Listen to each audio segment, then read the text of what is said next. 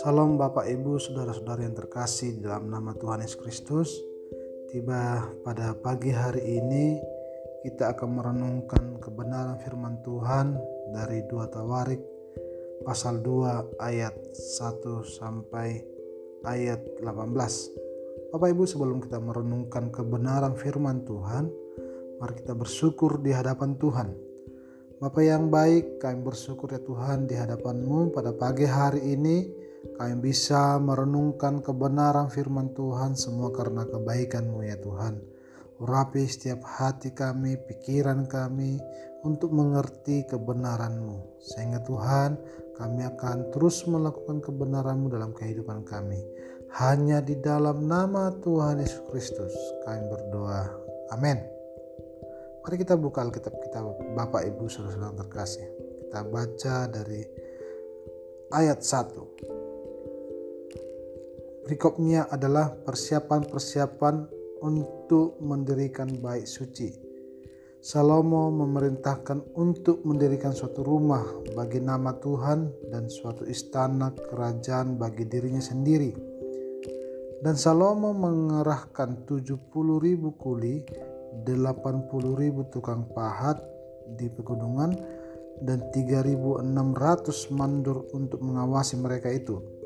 Lalu Salomo mengutus orang kepada Huram, Raja negeri Tirus, dengan pesan, Perbuatlah terhadap aku seperti yang kau perbuat terhadap ayahku Daud ketika engkau mengirim kayu aras kepadanya, sehingga ia dapat mendirikan baginya suatu istana untuk tinggal di situ.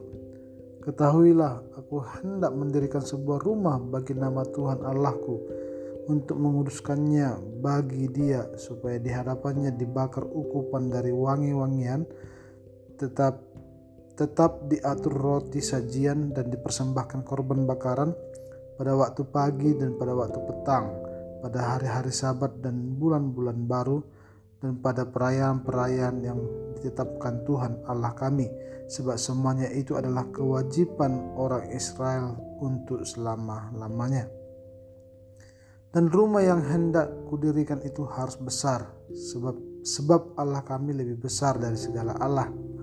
Tetapi siapa yang mampu mendirikan suatu rumah bagi dia sedangkan langit bahkan langit yang mengatasi segala langit pun tidak dapat memuat dia dan siapakah aku ini?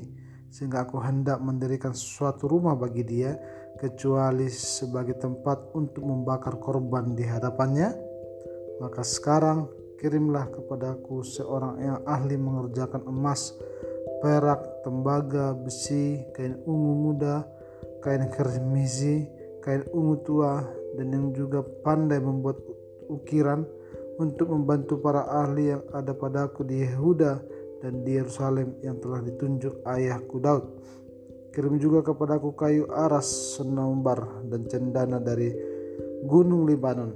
Sebab aku tahu bahwa hamba-hambamu pandai menebang pohon dari Libanon. Dalam dalam pada itu hamba-hambaku akan membantu hamba-hambamu untuk menyediakan bagiku sejumlah besar kayu sebab rumah yang hendak kudirikan itu harus besar dan mentanjubkan dan untuk tukang-tukang yang menebang pohon kuberikan gandum 20 ribu kor, jelai 20 ribu kor, anggur 20 ribu bat, dan minyak 20 ribu bat sebagai bahan makanan bagi hamba-hamba itu. Dan Huram Raja Negeri Tirus mengirim surat balasan kepada Salomo yang berbunyi, Karena Tuhan mengasihi umatnya, ia telah mengangkat engkau menjadi raja atas mereka Lalu Huram melanjutkan, Terpujilah Tuhan Allah Israel yang menjadikan langit dan bumi karena ia telah memberikan kepada Raja Daud seorang anak yang bijaksana, penuh akal budi dan pengertian, yang akan mendirikan suatu rumah bagi Tuhan dan suatu istana kerajaan bagi dirinya sendiri. Maka sekarang aku mengirim seorang ahli yang penuh pengertian, yakni Huram Abi, anak seorang perempuan dari Bani Dan, sedang ayahnya orang Tirus ia pandai mengerjakan emas, perak, tembaga, besi, batu, kayu, kain ungu muda, kain ungu tua, linen halus, dan kain kermizi, dan juga pandai membuat segala jenis ukiran dan segala jenis rencangan yang ditugaskan kepadanya dengan dibantu oleh ahli-ahlimu dan oleh ahli-ahli ayahmu, Tuanku Daud. Baiklah sekarang Tuanku kirim kepada hamba-hamba Tuanku gandum dan jelai minyak dan anggur yang telah Tuanku sebutkan itu.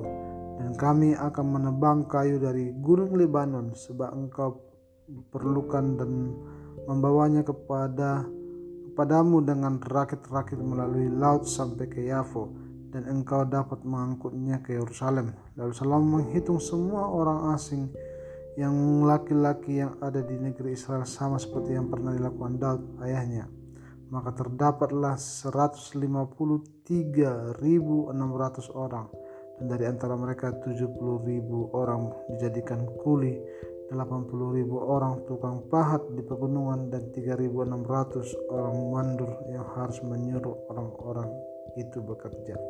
Bapak, Ibu, saudara-saudara yang terkasih dalam nama Tuhan Yesus, kita melihat dalam bacaan ini persiapan-persiapan yang dilakukan oleh Salomo untuk mendirikan baik Allah. Salomo dengan memperhitungkan dan mengatur sumber daya manusia pada saat itu yang diperlukan berjumlah 153.600 orang yang terdiri dari 70 ribu kuli, 80 ribu tukang pahat, dan 3.600 mandor pengawas. Dari sisi sumber daya alam, Salomo menunjukkan hubungan diplomatik dengan Huram, Raja Tirus. Ia menghubungi Raja Huram yang pernah menjadi sekutu Raja Daud untuk membangun istana. Ia meminta Raja Huram untuk mengirimkan tenaga ahli profesional ke Israel. Sebagai timbal baliknya, seluruh biaya dan upah kerja akan ditanggung penuh oleh Salomo yakni 20 ribu, 20 kor gandum 20 ribu maksudnya 20 ribu kor jelai 20 ribu bat anggur dan 20 ribu bat minyak. Bapak Ibu kalau kita lihat perencanaan-perencanaan yang dilakukan oleh Salomo ini adalah perencanaan yang sangat luar biasa. Tetapi ini untuk membangun baik Allah dan juga kerajaan sendiri.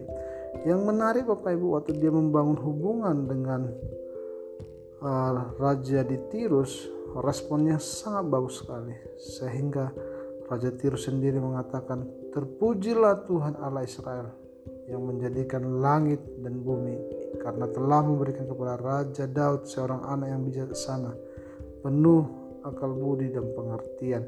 Di sini kita melihat menggarisbawahi bahwa raja dari Tirus mengakui bahwa Salomo adalah raja yang bijaksana, penuh akal budi dan pengertian, sehingga dia bisa membangun rumah bagi Tuhan suatu istana kerajaan bagi dirinya sendiri.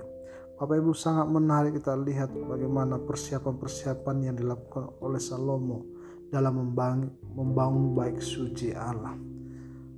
Bapak Ibu kalau kita melihat ke sekarang ini, ke zaman sekarang ini, bagi saya tidak salah kita membangun baik Allah, membangun gereja secara fisik Bapak Ibu. Tetapi jangan sampai lupa apa tujuan bangunan itu. Jangan menghabiskan banyak waktu, menghabiskan banyak tenaga untuk membangun gereja, tetapi sebenarnya pekerjaan yang sebenarnya tidak dilakukan. Ini yang menjadi masalah sampai saat ini. Gereja bisa besar, mewah, penuh dengan kekaguman di dalamnya, dihiasi begitu rupa Bapak Ibu. Tidak masalah, tetapi apakah gereja tersebut sudah melakukan pekerjaan yang sebenarnya? Apakah sudah melakukan misi, sudah melakukan penginjilan untuk menjangkau jiwa-jiwa? Jangan setiap tahun terus berkomitmen membangun gereja. Membangun gereja sudah besar, sudah mewah, bangun lagi, bangun lagi. Tapi di luar sana tidak diperhatikan begitu banyak orang-orang membutuhkan kita. Kelaparan, kemiskinan, pendidikan yang hancur Bapak Ibu. Tapi kita tidak mempedulikannya. Jangan sampai kita melupakan maksud Tuhan dalam kehidupan kita. Tuhan berkata dalam kebenaran firman-Nya Aku datang bukan untuk dilayani, aku datang untuk melayani. Tuhan tidak menanyakan berapa besar gedung gereja kita, berapa besar tempat ibadah kita, tapi Tuhan menanyakan sudah berapa banyak yang kita lakukan untuk orang-orang yang membutuhkan kita, membutuhkan kasih di luar sana. Bapak Ibu saudara-saudara terkasih, kami dari gereja Gestia Anugerah Ministry adalah gereja yang sangat kecil dan juga gereja Gestia Bethesda yang belum mempunyai gedung sendiri. Tetapi perlu Bapak Ibu saudara, saudara yang terkasih yang mendengarkan uh, kebenaran firman Tuhan pada pagi hari ini. Walaupun kami tidak mempunyai gedung sendiri dan kami bergumul dari tahun ke tahun untuk memiliki gedung tetapi yang perlu Bapak Ibu saudara-saudara terkasih ketahui bahwa tidak memiliki gedung, tetapi gereja yang kami tempati sudah melakukan banyak misi, menolong orang lain, memberi makan orang lain, menyekolahkan orang lain yang sangat membutuhkan, melakukan pengobatan gratis, melakukan renovasi rumah-rumah kumuh Sebenarnya itulah yang Tuhan mau. Walaupun kita bergumul dengan gedung gereja supaya memilikinya. Karena itu adalah satu-satu kerinduan. Tetapi kita tidak mau hanya fokus di situ. Tapi kami melihat, melihat bahwa ada banyak kebutuhan-kebutuhan di luar sana. Bapak Ibu saudara terkasih, memang membangun bait suci yang yang dilakukan Salomo adalah suatu impian dari Raja Daud supaya supaya orang-orang Israel melakukan korban bakaran di sana, menyembah Tuhan. Itu tujuan yang sebenarnya.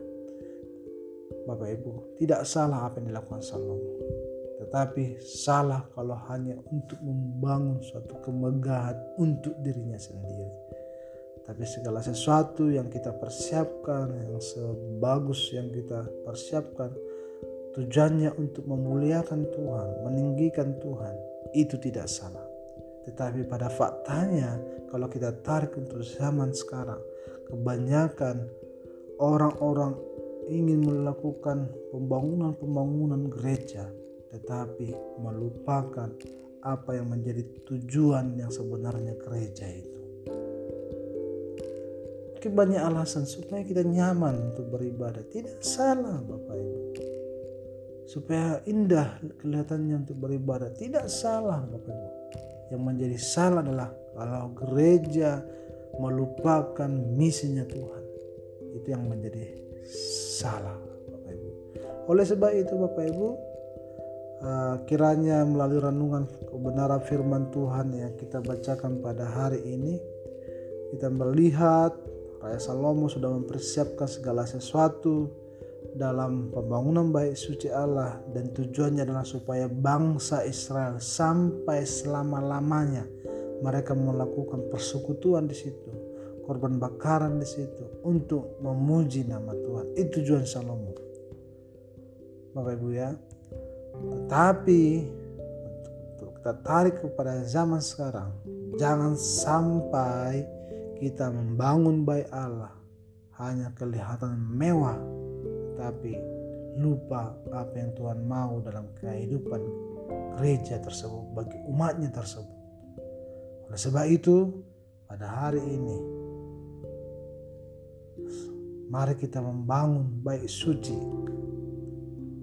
dengan baik, khususnya dengan gedung gereja. Lakukanlah yang baik untuk gereja bagi umat-umat Tuhan. Apa yang bisa dilakukan untuk membangun gereja berikanlah yang terbaik untuk supaya baik suci bisa terbangun Bapak Ibu. Gesja Bethesda bisa terbangun, Gesja Anugerah memiliki gedung sendiri, berikan yang terbaik. Tetapi ingat, tujuan kita bukan sampai hanya di situ. Di gereja itu harus mempermuliakan nama Tuhan. Di gereja itu harus melakukan misi Tuhan bersama-sama bergandengan tangan untuk memuliakan Tuhan dan juga mengerjakan pekerjaan Tuhan. Kiranya melalui renungan kebenaran firman Tuhan pada pagi hari ini memberkati kita semuanya. Salam.